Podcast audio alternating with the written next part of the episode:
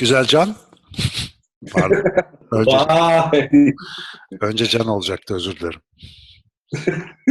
Sevgili güzel Canan.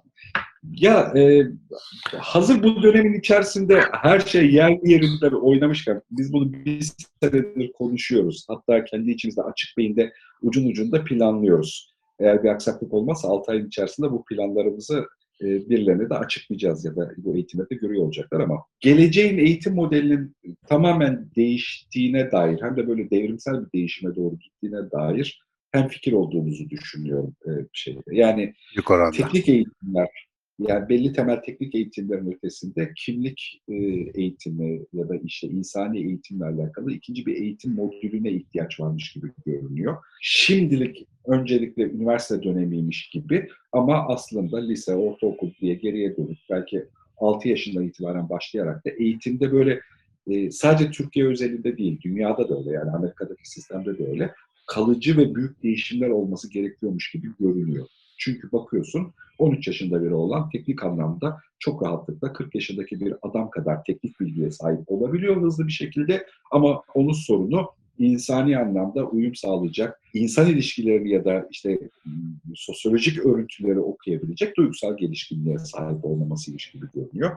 Ya da bunu tam tersiyle karşılaşabiliyorsun. Yani 40 yaşlarındaki bir adam bile henüz bu konuyla alakalı yeterince hazırlıklı değil ve sistemdeki çektiğimiz en büyük problemin, eğitimle alakalı çektiğimiz en büyük problemin bu başlıklar altında edildiğini fark ediyoruz. Yani şimdi gerçekten sana teknik olarak abi F-16 yapacaksın, burada duruyor, aa yan tarafa çektim, sökeceğim, yaptırtacağım desem sana, senin bir F-16'yı ekonomik olarak da bütçesini sana veriyor olsam, adamını bulmadan, mühendisini organize etmeden yapmasına kadar sürece muhtemelen iki yılda tek başına, yani tek başına derken işte çeşitli e, organizasyonlar kurup yapmayı becerebilirsin. Yani halbuki sen ne uçaktan anlarsın ya da işte ne gemiden anlarız ne bir şey mühendis değiliz en başta. Ama yine de artık bunu yapabilecek kadar, konuyu anlayacak kadar, yani konunu nasıl işleyecek kadar hemen herkesin teknik bilgisi var.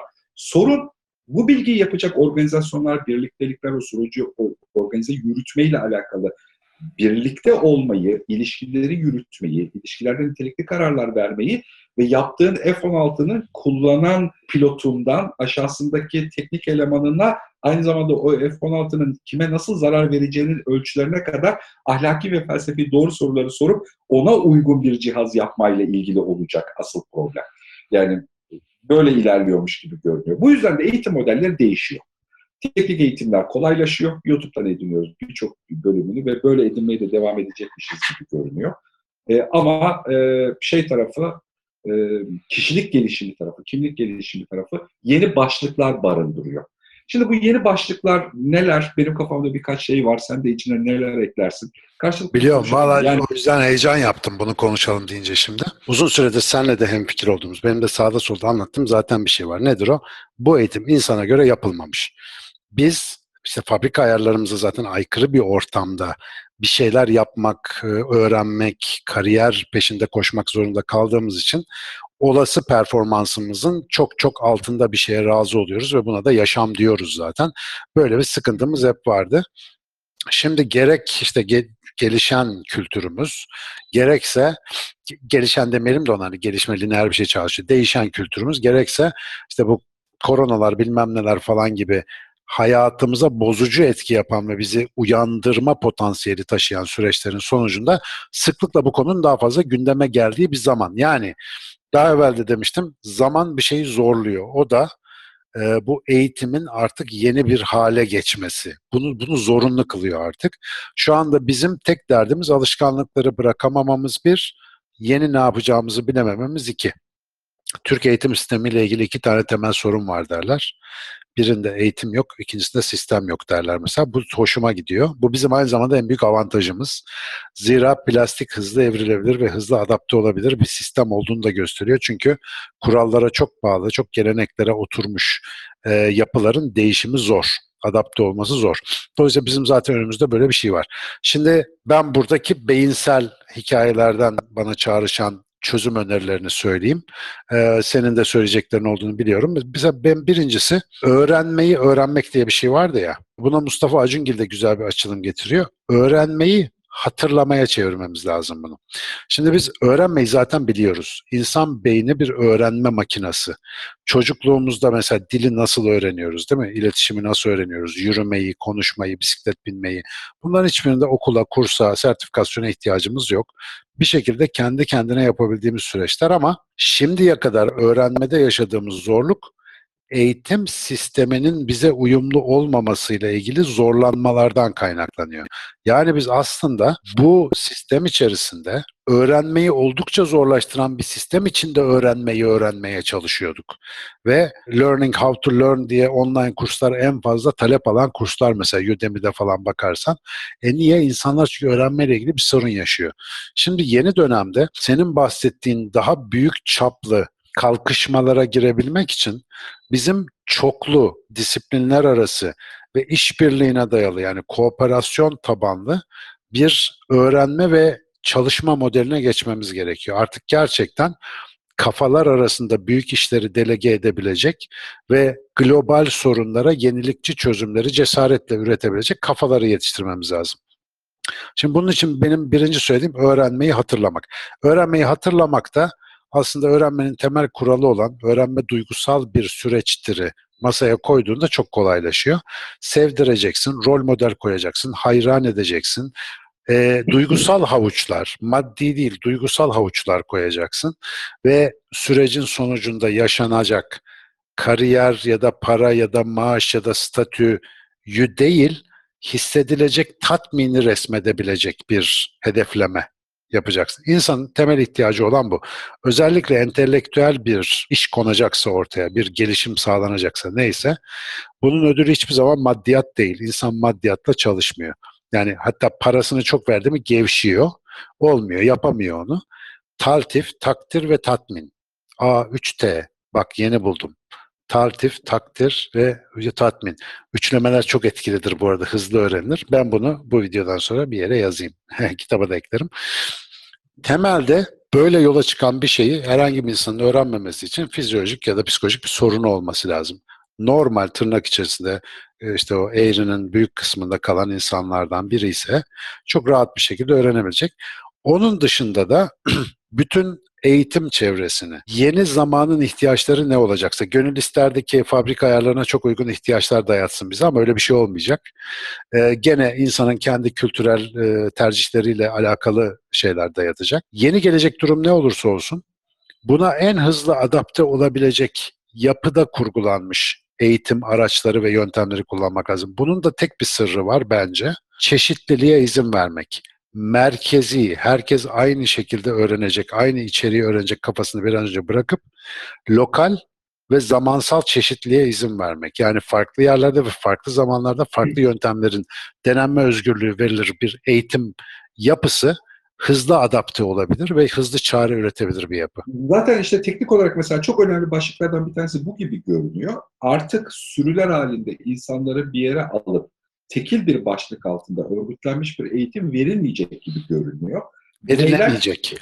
Verilir, ya teknik olarak da ya da ya anlamı olmayacak böyle eğitim veriyor olmanın. Ee, insanlar bireyler ya da küçük gruplar halinde geçici ihtiyaçlarını kendileri tanımlayıp o ihtiyaçlarına istinaden teknik eğitimler alacaklarmış gibi görünüyor. Şimdi bu aşamada da söylediği şey gerçekten çok ön plana çıkıyor. O öğrenmeyi hatırlamak ya da öğrenmeyi öğrenmek, ben hala eski tanımıyla kullanıyorum öğrenmeyi öğrenmek diye. Ben bireysel olarak nasıl öğreniyorum mu bilmem gerekiyor ki. Bu genel öğrenme kuramlarının dışında kendi davranışı ben dokunarak mı öğreniyorum, daha çok monotik miyim, görmeye mi dayalıyım, bir şeyi bütünsel olarak görmek mi hoşuma gidiyor, tekil bir mühendis gibi lineer bir zincir mi takip etmeliyim, analitik soyutlamalara ne kadar yatkınım değilim gibi yapılarda kendime ait, unik, özel temel şeyleri bilirsem eğer bu bilme eylemini tanımladığında ben mesela kendi davranışlarımı biliyorum. Ben bununla alakalı geçtiğimiz birkaç sene uğraştım. Ben nasıl öğreniyorum diye. Klasik işte belli bir izleyim var. Çok merak edeceğim. Önce bir daha bir kez gideceğim, geleceğim. Bir daha gideceğim, geleceğim. Sonra yoğun bir süre boyunca tekrara dayalı maymun davranışı göstereceğim. falan diye. Yani hani böyle bir çaba sarf edeceğim. Sonra çekileceğim. Bunu gittikçe uzun aralıklarla tekrar edersem kalıcı öğrenme gerçekleştiriyor. Yani, şuna ma- maymun tür demesek onun bir de insani versiyonu var onu hatırlatayım. Temrin diyorlar ona. Mesela hattatlar onu çok yapar. Aynı harfi 5000 kere yazar. Temrin. O daha özenli bir şey. Çünkü bir kaba tekrar sadece kaba motor beceri geliştiriyor. Ama temrin incelikli bir şey. Daha ince nüansları ustalaştırabilmek için yaptığımız bir şey. Hani öyle deyince de millet hölülü anlamasın diye şey yapıyorum. Sen onu demiyorsun ama öyle kalmasın. Ya, e, benim öğrenmeyle ilgili geçirdiğim şey kabaca tabii karikatürize ediyorum hani bundan. E, tabii canım. E, ha, geçirdiğim ana şey bu. Şimdi bunu bildikten sonra benim bir şeyi öğrenebilmem için öğreneceğim şeyin boyutuna göre bu zamanlamaları vermem gerekiyor. Mesela bugünlerde istiyorum. Geçen eğitimini aldım 3 ay öncesinde. 3 top çevirmeyi öğrenmek istiyorum. Şimdi mesela bu süreçleri biliyorum. Yani bunu böyle yaşayacağımı ya da böyle geçireceğim. Şimdi bunu öğrendiğinde artık e, bir şeyi öğrenme talebinde bulunduğunda onun zaman maliyetini, emek maliyetini ve sen de neden neden olacağını biliyor oluyorsun. Bu çok basit, güzel devam eden bir davranış şeydi. Ama öte tarafında bir şey daha var. Mesela genelli planlamak bizim Türkiye'de acayip zor yaptığımız şeylerden bir tanesi. Ben de çok zorlandım bu konuyla alakalı. Ya ben haftalık plan yapamıyorum. Haftalık plan yapsam da uyamıyorum. Yani dışarıdan bir zaruriyette bağlanmamışsa. Toplantı bağlanırsam sıkıntı yok. Toplantıların hepsine uyuyorum. Ama yani bu buna çalışılacak. Akşam şu okunup bu konuda karar verilecek gibi koyduğum başlıklardan hiçbirinde tutarlı bir şekilde uyamıyorum. Hani birincisine zorlasam ikinciye gidemiyorum falan şeyde. Şimdi bunu planlamak, planlamayı öğrenmek yani daha doğrusu kendi hayatına daha geniş zamanlı bakmak. Şimdiki zamandan çıkıp birazcık daha işte bir hafta sonrası bir hafta öncesi izdekiyle beraber bakmak. Mesela öğrenilmesi gereken şeylerden bir tanesiymiş gibi görünüyor mecbur. Hemen peşi sıra öz disiplin geliştirme hikayesi. Yani kendine yapmayı öğrenme. O bedelleri her seferinde tekrar bir şeyle karşılaştığında anlık karar vermeme. Bu kararı hani baştan bir verip kabullenme, bitirme, sonra da uygulama. Çünkü biz her seferinde şey yapıyoruz. Tam onu çalışmak için masaya oturup gerçekten ben kendimden biliyorum hani fiziken. Bu ona değer mi ya falan diye. Hani tekrar orada sorguluyorsun hikayeyi. İşte bak o öz disiplini geliştirebilme, öz disiplinle ilgili tonla eğitim, tonla tavsiye, tonla 10 adım 15 adım var. Ama o öz disiplini ya da öz iradeyi geliştirebilmenin arkasında yatan motivasyonun kaynaklarını unutuyoruz biz genellikle. Çok güzel söyledim. Başına oturunca ya işte bu piyano olur, roman olur, ne yapıyorsan işte neyle uğraşıyorsan ya oturup o eforu zorlamaya başladığında eğer şu geliyorsa yani bu efora ne gerek var? Orada ilerlemen çok zor oluyor. Bu efora ve daha fazlasına benim ihtiyacım var duygusu yaratan bir şey var. O da o işin yaratacağı nihai tatminle empati kurabilmek. O yani onu arzulamak, ona aşık olmak. Şimdi insan ilhamla çalışır derken bunu kastediyorum. Bak daha önce demiştim, fizyoloji hocası derse girip anlatmaya başladığında özellikle ikinci derste adam o kadar güzel anlatıyordu ki anlattığından hiçbir şey anlamamama rağmen çünkü konularla çok alakalı bir öğrenci değildim. Dedim ki ben bu adamdan olacağım. Ben bunun gibi olacağım. Yani ne yaptığını bilmiyorum. Fizyolojinin F'sini bilmiyorum da. Ama çok güzel anlatıyor. Bir kere daha da önemlisi yaptığı işten mutlu olduğu çok belli. Dolayısıyla dedim ki ben de böyle olmak istiyorum. Yani ben öyle ders anlatmak için de değil. Onun gibi mutlu olmak için yola çıktım.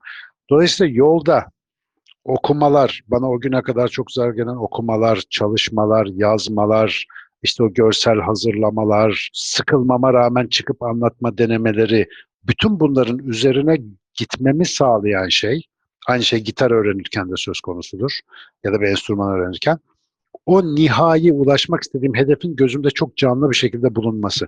Şimdi eğer şey sorun da burada düğümleniyor Mustafa. Şimdi niye birçok insan anne baba öğrenci tamam işte artık standart mesleklerin pek bir faydası yok. İşte kendi yeterlik önemli. Bunu herkes lafta biliyor ama niye hala öğrenciler istedikleri bölümü tutturup tutturamayacakları nedeniyle özellikle bu aralar, bu belirsizlik zamanlarında iyice e, vücutlarına yansıyacak kadar stres oluyorlar. Sen çalışacaksın, çabalayacaksın ve başarılı olacağın garanti değil. Ama orada onlarca yıldır, hatta yüz yıldır diploma alıp işe girmek gibi bir denklem öğretilmiş kültürel olarak sana. O daha kolay yol gibi gözüküyor. Ve birileri o kolay yolu bırakıp da zor yoldan kendini gerçekleştirme yolculuğuna sırf bu çeldirici havuçtan dolayı çıkamıyor. Dolayısıyla bir şekilde zaten iyice bu diploma denen şeyin ne kadar artık geçersiz olduğunun anlaşılması, sonra da kişisel hedefin büyük bir cesaretle en öne konması gerekiyor. Yani o 10 bin saat çalışmamızı sağlayan şey aslında disiplin ama disiplini yaratan şey de motivasyon ve aşk. Yani o motivasyon olmasa 10 bin saati yatıramazsın. Kimse o kadar gayret gösteremez. Otistik olman lazım. Otistikler bunu iyi yapar. Tekrarlı hareketlerde çok iyidirler. O yüzden bizim Oytun gibi Asperger'ler falan bir işte böyle zaman içinde kolaylıkla ustalaşır ama senin benim gibi normal adamın canı sıkılır. Abi bu ne der? Dışarıda hayat var ya manyak mısın? Ama bazen öyle bir kitlenirsin ki dışarıdaki hayatı da kendini de açtığında susunda unutursun. İşte akışlara geçersin bilmem ne olur. Dolayısıyla aslında insanın eğitiminde ne yapılacağı çok belli. Gaz vereceksin, ilham vereceksin, coşturacaksın yani. Habire motivational speech. Aslında yapman gereken şey bu. Motivasyonel konuşmacı getirip coşturacağım. Keşke mesela eksikliğini hissettiğim şeylerden bir tanesi. e, keşke 20'li yaşlarında, 17 yaş, 20 yaş aralığında sadece 100 ya da 200 kelimenin gerçek anlamlarının bana dövüle dövüle öğretseydi, öğretilseydi. Mesela bu hayatımı o kadar çok değiştirirdi ki. Yani mesela demokrasi nedir gibi. Yani fiziken gerçekten. Hiç politik bir şeyden bahsetmiyorum. Yani an- anlamlar kütüphanesi oluşturmaktan bahsediyorum. Yani doğru anlamıyla beraber. E, bunun gibi hayatımdaki kritik böyle belirlenmiş işte reklamcılık yaptım. Keşke reklamcılık yapmadan önce reklam kelimesinin anlamını etimolojik ve kavramsal olarak çalışsaymış. Ben reklamcılığı yani aradan 20 sene geçtikten sonra ben etimolojisini öğrendim e, şeyle alakalı. Muhtemelen başlamazdım reklamcılık yapmaya bir ihtimal. şey içerisinde. Yani kapitalizm nedir, zaman nedir gibi belli temel kavramları yani bu 100 tane bu kadar. Belki yani hani 200'ü bulmayacağımı zannediyorum. O temel kavramı, hayatımı etkileyen o temel kavramların gerçek anlamlarını, gerçek değerlerini hem etimolojik hem de benim hayatımı etkileyen gerçekçi değerlerinin ne olduklarını 20'li yaşlarımda öğrenseydim muhtemelen bir Ya da farklı anlamlarını.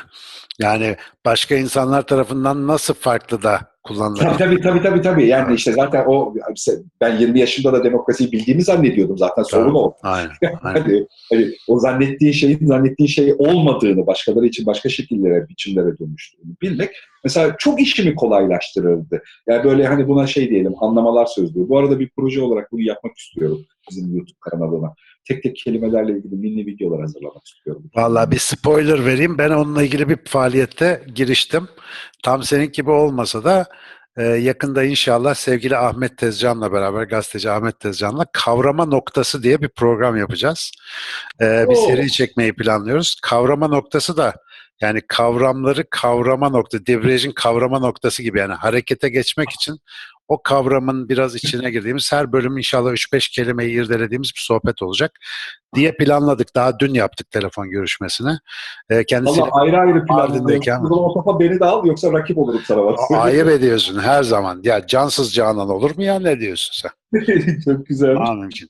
Ee, şeyde, ya belli kelimeleri gerçekten yani hani 20'li yaşlarda öğrenmek çok iyi gelebilirdi. Mesela yani evrim bakış açısıyla insan ilişkileri tarafına gerek biyolojik gerek sosyal örgütlenme formunda bakıyor olmayı yine 20'li yaşlarında öğrenmiş olsaydım hayatım muhtemelen çok kolaylaşırdı. Çok başka olur evet. Yani gerçekten e, işim çok kolaylardı e, şeyde. Muhtemelen bu dönemden çok ihtiyaç duyacağımız şeylerden bir tanesi de bu olacakmış gibi görünüyor. Yani gerek duygusal ilişkilerimizi, gerek ebeveyn ilişkilerini, gerek de iş ilişkilerinin nasıl yürüdüğü, o tanışmanın nasıl gerçekleştiği falan. Mesela şeyi fark etmek muhteşem bir içerik olurdu benim için. Aslında duygularımızın, rasyonel hayatımızı ne kadar iç içe ve belirgin şekilde etkilediğini, bedenimizin, duygularımızın ve zihnimizin ya biz hep zekaya tapınan bir dönemin çocuklarıyız ya, sende de öyledir, bende de öyledir. Yani zeki olmak önemli bir şey zannediyorsun. Halbuki mesela şey basitliğiyle yani çişin geldi, zekan 65. Yani hani bu basitliği fark etmek gerekiyor. Ya da işte Aynen olarak çok kıskanıyorsun, zekan 83. Hani sen 160 IQ'dun, önemi yok ki. Kıskanç bir adam olduğunda zekan 90 IQ'ya düşüyorsun. İşte hani bunu bu bileşkenin böyle bir bütün olduğumuzu Hani bu bütünlükte bir insan olduğumuzu fark etmek, 20'li yaşlarda fark etseydim hayatım muhtemelen çok kolaylaşırdı. Mucize olurdu yani hayatımızda mucizeler akmaya başlardı yani öyle söyleyeyim. Evet, Kor- evet. Korpus diyorlar ya yani bir kavramlar dizini olmalı insanın. Ee, işte sevgili Ziya Hoca, Milli Eğitim Bakanı. Gelir gelmez Milli Eğitim'e ilk yaptığı ve şu anda hala sürdürdüğü işlerden biri bir korpus oluşturmak. Yani kelime dağarcığı, biz kavram dağarcığı neye göre hareket edeceğiz? Biz bir şey derken ne demek istiyoruz? O terimin anlamı nedir? Mesela bu korpuslara bizim kişisel olarak da, kurumsal olarak da, topluluk olarak da ihtiyacımız var. Bir toplumun bir korpusu olmalı. Siz şeyinizde sözlüğünüzde 15 bin kelime olabilir. Ama günlük hayatta 300 kelime kullanıyorsanız, bunların da anlamını çoğunu bilmiyorsanız, o zaman zaten o F-16'yı yapamazsınız. Anlaşamazsınız anlattığınızı sanır afaziye kurban gidersiniz. İşte benim kimsenin bilemeyeceği şeylerdeki caddedilmiş toplumsal söz itimi bölümü bununla ilgili. Söz, zihin ama aynı zamanda söz sosyal kapasite demek. Dolayısıyla o bakalım anlaşabiliyor musun insanlarla? Ben o yüzden bana ilk söylediğinde hani şu geleceğin meslekleri okulu için seninle konuşuyorduk. Yani hakikaten senin de iyi ödev yaptığın bir alan gerçekten çalıştığın bir alan.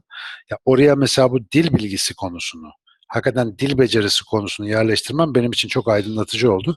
Çünkü benim hayatımda becerdiğim bir şeyler varsa dil yeteneği sayesindedir. Yani o dili çok kurcalamamla, onunla oynamamla alakalıdır muhtemelen. Onu fark ettirdim bana. Ve bu o kadar merkezi bir şey ki bütün teknik becerilerden önce geliyor. Yani ne alet kullanırsan kullan önce dil ve ona bağlı olarak düşünce dallanması. Bunlar çok çok önemli şeyler. Ya mesela şeyi fark etmesi de tuhaf oluyor. Biz hep işte yetenekler, süper zamanlar ve fırsatlar gibi hani böyle bir şeye motive organize edildik. Yani çok yetenekli olacaksın, çok zeki, çok yetenekli olacaksın. E, fırsat yakalayacaksın abi, piyasaya bakacaksın, bilmem ne yapacaksın. Film de yapsan hani bununla alakalı. Ve işte özel zamanlara denk düşeceksin bilmem ne. Halbuki gerçekten yapılmış araştırma sonuçlarını görüyorum. Yani dünyayı etkileyen bilimsel, ticari vesaire yapılmış işlerin hepsinin arkasında hiç de böyle bir şey yok. Yani bunlardan hiçbirisi yok. Bunların hepsinin arkasında çok çalışmış adam, çok ısrar etmiş adam. Çok Kapıları zorlamış. Çok okumuş yani.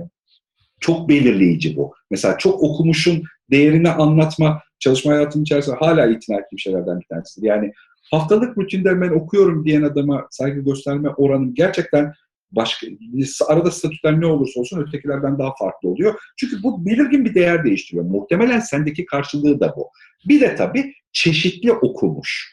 Şimdi çok okumuş da abi ben roman okumam işte teknik olarak ihtiyaç duyduğum bilgiler okuyorum. Yani hani hiç artistik gelmiyor benim olduğum tarafta tamam Yani hani edebiyatın başka bir zihinsel durumu var. Onun da olacak. Elbette işte ben edebiyat dışı okumam da çok saçma geliyor bana. Bir sürü teknik öğrenecek şey var. Yani bir sürü adam muhteşem zihinler kurmuş, kullanıyor. Hani onları görmeden vakit geçirmek, ölmek zayiat gibi geliyor bana yani. yani çok güzel çalışmış işler var.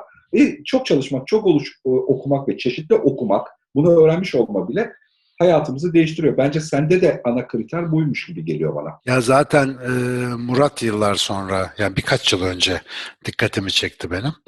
Mesela edebiyat okumak gerçekten, edebiyatla haşır neşir olmak, yaşanmamış Menteş. yaşamları yaşamak, Men Murat Menteş evet, yaşanmamış yaşamları yaşamak ve onların tecrübelerinden istifade etmek. Hatta bir şey daha söyler mesela romancı, roman her zaman romancısından daha zekidir, yazarından daha zekidir diye. Çünkü ya o kadar çok fikir derc eder ki içine romancının günlük hayatta öyle bir fikir toplama kapasitesi yoktur ama yazım sürecinde o kahramanı onu yaptırabilmek, o olay örgüsünü kurabilmek için bir sürü cim fikir sokuşturmak zorundadır. Yani sana zihinlerin damıtılmış kopyalarını, versiyonlarını sunar aslında edebiyat diye. Ama edebiyat tabii bir de aynı zamanda dil işlekliğiyle de alakalı bir şey. Yani ben bakma edebiyat konusunda ağırlıklı olarak e, Stephen King ve Dinar Kuntz'tan beslenmiş olabilirim. Conan'larla büyümüş olabilirim ama yani onların bile etkisi çok acayip. Keşke biraz daha zengin okusaymışım zamanında dediğim çok şey var. Ama o okuduklarımız bizi biz yapan şeyler, düşünme sistemimizi belirleyen şeyler. Mesela Tom Sawyer'ın benim üzerimdeki etkisini ben her geçen gün daha fazla anlıyorum. Yani beni bayağı çocukluğumu şekillendirmiş bir şeymiş. E, bu dar sınırlı kaynaklardan bakınca gördüğüm bir şey var. Burayı ne kadar genişletebilseymişim aslında eskiden. Yani diyorsun ya 20'li yaşlarımda şöyle kelimeler öğrenseydim. Ben de aynı şekilde yani onun sağlayacağı şey tabii tek başına bu arada yetmiyor. Bir de onun üzerine bugüne kadar uğraştığım şeylerle uğraştığımı düşününce hepsi birden olur muydu bilmiyorum ama rock and roll. Bu arada yurt dışındaki birçok gittiğim üniversitede çok önemsenen uygulamalardan bir tanesi böyle sık sık ki oralarda bol biliyorsun Nobel ödüllü bilim insanları falan filan böyle uluslararası e, celebrity ama kendi şeyinde ünlü hani kendi alanında ünlü insanların öğrencilerle olabildiğince sık buluşturulması kürsü dersi diye bir şeyin organize edilmesi. Yani bazı hocalar üniversite üniversite geziyor mesela. Tek ya da bir iki bölümlük dersler veriyorlar. O dersler daha sonra kitaplaştırılıyor. Şimdi bunların hepsi niye? Yani e, bizdeki gibi e, merhaba size selebriti hoca getirdik demek için değil. Öğrenci bir rol modelle karşılaşsın, onunla bir iletişime geçsin ve oradan bir şeyler ilham kapsın, bilgi kapsın diye değil, ilham kapmak buradaki esas maksat. Yani inşallah biz de ayabilirsek bütün dünya olarak, bunu bu arada az sayıda büyük üniversite yapıyor. Bu konuyu ayabildiğimiz takdirde eğitimin kendi kendini götüren bir şey olduğunu fark edeceğiz. Bir de şu talimle terbiye işi daha önce konuştuk ya talim terbiye yani öğretmeyle insanı terbiye kıvama getirme işini de bir çözersek güzel Evet. olacak. Ben bariz bir şekilde hani İngilizce için e, bir yıl üniversitede ayrılıyor ya. Üniversiteye başlarken İngilizce öğrenmen gerekiyor. Ben e, belki aynı yıl, belki farklı bir şekilde bir yarım yıl ya da bir yıl kadar geleceğe hazırlanmakla alakalı bir e, eğitim olması gerektiğini düşünüyorum. Yani artı bir asıl ana kor eğitim buymuş gibi geliyor. Sonra teknik eğitimi üzerine teknik eğitim olarak ekle. Teknik eğitimdeki ne yapılacağı belli. Yani hangi konu olursa olsun abi, konumuz psikoloji olsun ya da konumuz mühendislik olsun. Yani temel rehberlik alabileceğim birilerini bulduğunda onu öğrenmen aslında bir yıl, belki iki yıl. Yani hani, hani konusuna göre değişebilir ama teknik olarak öğrenmen. Ama dört yıl boyunca üniversitede geçiriyor olman, işte sosyalleşme, dünya aslında işte kenar etkisini elde ediyor olman, yaratıcı, yeni ilham verici başka şeylerle karşılaşıyor olma hikayesi. Ama bizde böyle gerçekleşmiyor mevzu. Bizde de dünyada da birçok yerde böyle gerçekleşmiyor. Bunlar için bir ön eğitime ihtiyaç varmış gibi görünüyor. Yani dünya kültürüyle alakalı temel bilgileri edinme, işte dünya tarihine çok genel yani bir milliyetçi formülün bakış açısıyla değil de yani genel dünya tarihinde homo sapiens sapiens olarak kendini görüp lan bu dünya nasıl gelişmiş bu dinler tarihi, yapılar, kültürler bilmem neye bak biz kazandık duygusunu dışarı çıkartarak bir, bir, Veri, bir- veri tabanlı yani yıllardır yapılsın istediğim bir şey var. Hatta Alev Alatlı'yla falan da zamanında konuşmuştuk. Bütün dünyadaki gelmiş geçmiş dinler, felsefi akımlar, imparatorlukları, şunları bunları her birini böyle katman katman üstüne bildirebileceğim bir dünya haritası. Slider'lar olacak böyle. Ge- Geçirip atıyorum son 4000 yılda neler olmuş her türlü çözünürlükte izleyebileceğin, oturup kendi kendine çalışabileceğin bir sistem. Hala bakıyorum internette doğru dürüst yapılmamış. Yani veri tabanlı olarak, veriye dayalı böyle bir şey Evet. yapabildiğimiz zaman o büyük resmi de çok kolay görebiliyoruz aslında.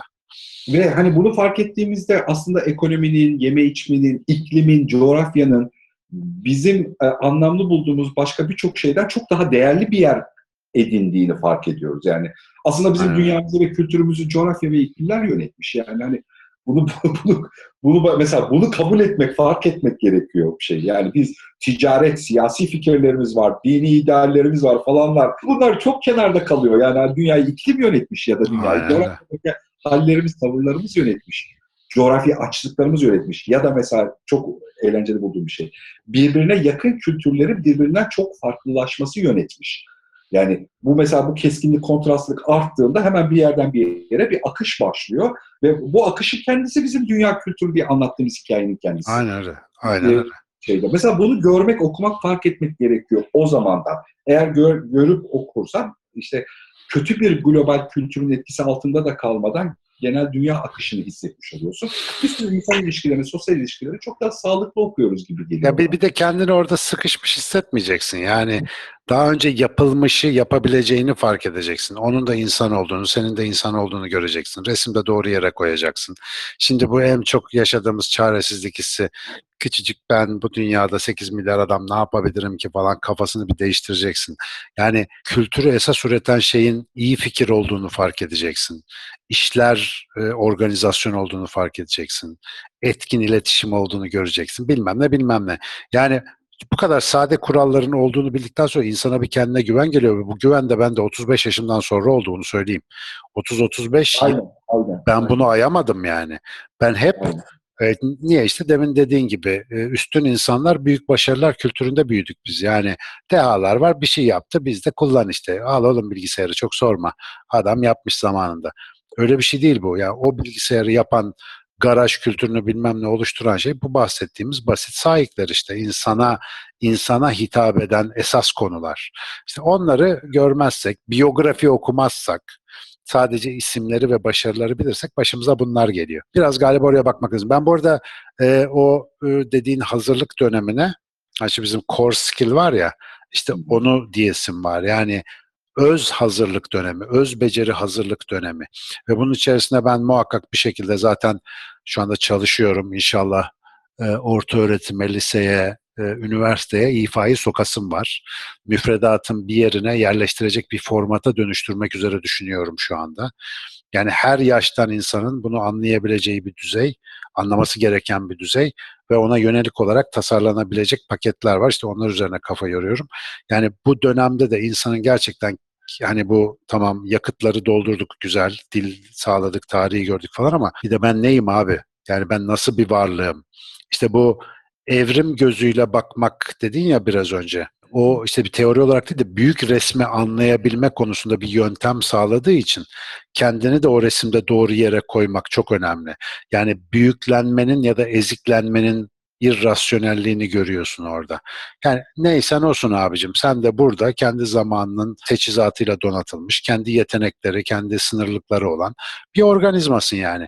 Dolayısıyla bunun içerisindeki yeganeliğini fark etmenin en iyi yolu içeriden dışarı bir okuma gerçekleştirmek aslında. O yüzden biz ona öz beceri hazırlık okul diyelim. ÖBHO.